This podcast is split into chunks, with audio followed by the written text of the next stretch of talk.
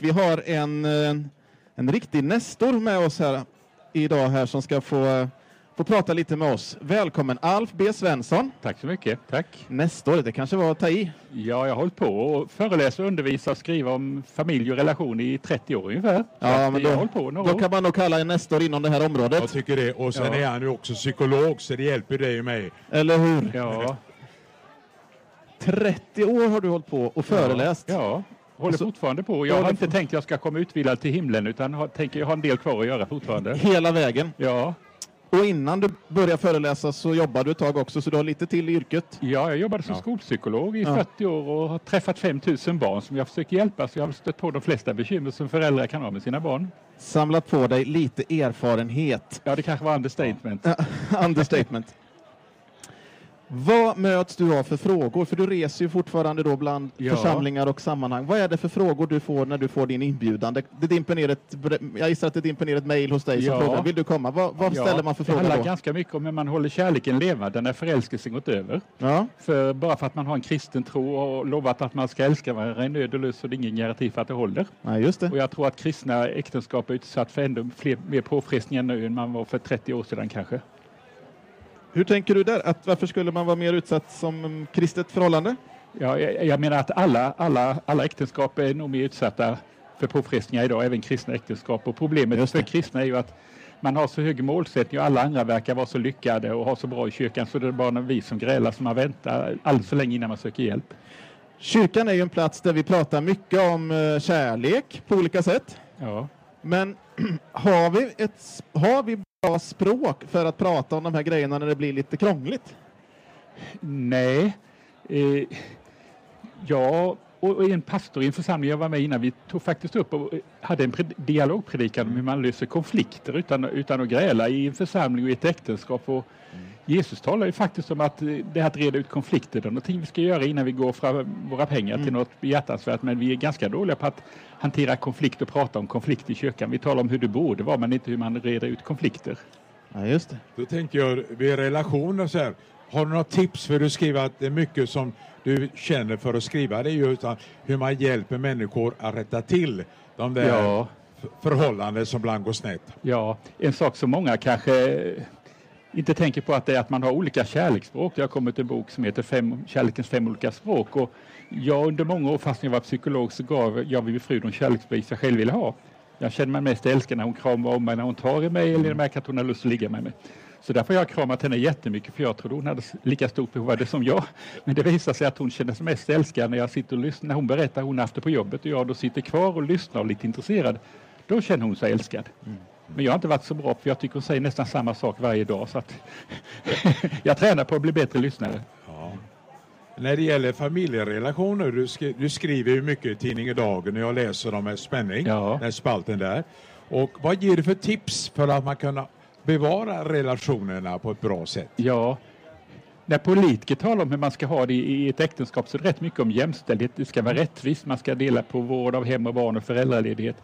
Den kristna etiken har en annan vägledning, men vi ska ömsesidigt underordna oss varandra. Inte se till att det är rättvist, att vara beredd att ge lite mer än man kanske just då får tillbaka. Och det är en väldigt stor hemlighet att inte räkna poäng och tänka jag ska inte ge mer än jag får tillbaka, utan vara generös. Och ibland har jag fått ge min fru. Hon har inte orkat ge så Nej. mycket tillbaka för hon har mått dåligt. Ibland har jag mått dåligt, det har hon fått ge. Så se, till inte, se inte till att det blir rättvist utan var beredd att ge lite mer än du får tillbaka just då. Och det är ett allmänt råd ger du till dem som har lite besvär med relationer och sånt där. Ja då. Och det är bra. Jag ser att du har två böcker. Ja. Och vem är det som har skrivit dem då? Ja, det lär var jag. Det är min, nionde, min tionde bok. Är det sant? Min, min näst sista bok heter Hitta någon att älska och älska den du hittat. Eh, Det är en bok om hur man som tonårsförälder ska kunna prata med sina tonåringar om kärlek, sex och relationer. En bok som också tonåringar faktiskt läser för den är lättläst och enkel. Mm. För vi i kyrkan vi är väldigt dåliga på att prata om sex och samlevnad med tonåringar. M- Måste bara få, få fråga där om jag hörde rätt. Du sa näst sista, men du menar näst senaste? Eller är det så att Ja. du har slutat? Nej, det har jag nog inte. Den sista boken som finns inne på Nya Musik handlar, heter Upptäck alla dina gåvor. Ja. Vi i kyrkan är bra på att säga att Gud har en plan med vårt liv, men vi talar inte om hur vi upptäcker våra gåvor, våra naturliga gåvor som vi föds med och de andliga gåvorna som vi får. Men här är en bok med praktiska råd och tips hur man upptäcker sina andliga och sina naturliga gåvor, hur man utvecklar dem och har man grävt ner dem så får man lite tips hur man kan gräva upp dem och börja använda dem igen. Får jag fråga då, när Anders och jag lyssnar, hur ska vi ta vara på våra gåvor, upptäcka dem? Och du lyssnar allihopa, även de som står i Ja. kön här. Ge lite tips hur man upptäcker sina gåvor. Ja. För det har ju Sverige nytta utav. Ja, då ska ni få fem korta tips. Ja. Det, det, vanligaste Är ni med nu? Fem korta tips. Det vanligaste är att man utgår från vad man är bra på. Har man dålig självkänsla, man frågar en människa vad är du bra på så börjar de berätta om allt de är dåliga på. Så då ska man utgå från vad man tycker är roligt, för det man tycker är roligt är man ofta bra på. Sen ska man för det tredje utgå från den uppmuntran man får från andra. För ibland kan det vara så att en annan människa ser en gåva som jag inte är medveten om. För det fjärde så kan man utgå från något man känner att det här borde någon göra någonting åt. Att jag började skriva och föreläsa om föräldraskap och samlevnad och äktenskap var, berodde på att jag kände det här borde någon göra någonting åt. Om ingen annan gör det får jag väl göra det. Och för det femte, man ska testa och se.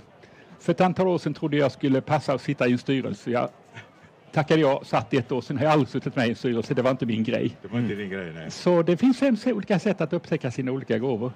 Utgå från vad du är bra på, vad du tycker är roligt, det du har fått uppmuntran för, det du känner att någon borde göra någonting åt och testa och se vad du passar för och tycker är roligt. Detta är ju fantastiskt. Vad tycker du är roligt då? Ja, det är väldigt roligt att stå här prata Ja. med. Jag tycker det är roligt att kunna hjälpa Ja. folk som har problem med sina barn och sina äktenskap. Det tycker jag gör livet meningsfullt. Om någon frågar mig vad är meningen med livet så tycker jag meningen med mitt liv är att försöka hjälpa andra människor att få ett bättre liv.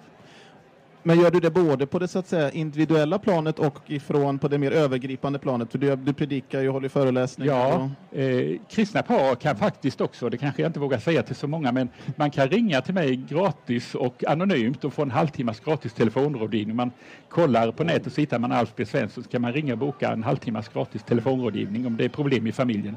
Det kanske jag inte skulle säga, nu får jag fullt upp att göra i sommar. Oj, oj, oj. Ja, det Ja. blir ingen semester här inte. Men det blir Ja, bra. men det är bra. Och det är också någonting som jag tänker är en styrka att fortsätta vara i praktiken och inte bara bli en expert som tycker saker. För det är Det- lätt hänt annars. Ja, ibland är min fru med mig och då brukar, senast vi var på ett annan konferens var det någon som frågade hur är han egentligen? Man blir lite mer ödmjuk när frun är med. Ja, Ja, det är rätt. så är det. Och nu är du här och du ska signera lite böcker vad jag, Jag ska förstått. göra det om en liten stund här inne. Ja, vad härligt. Så är det någon som är lite sugen på att få en signerad bok av Alf B Svensson, eller få få, man får väl köpa den får jag anta. Men att få den signerad, det får man i alla fall. Själva signeringen får man. Så får man köpa boken, så Ja. får man komma här och Ja finns det en tillfälle för det. Vi säger tack och eh, lycka till framöver, för du är ju du har ju mycket kvar att ge Alf. Jag Verkligen. hoppas det. Ja. Hoppas det att jag inte har passerat bäst för datum absolut inte. Tack så jättemycket.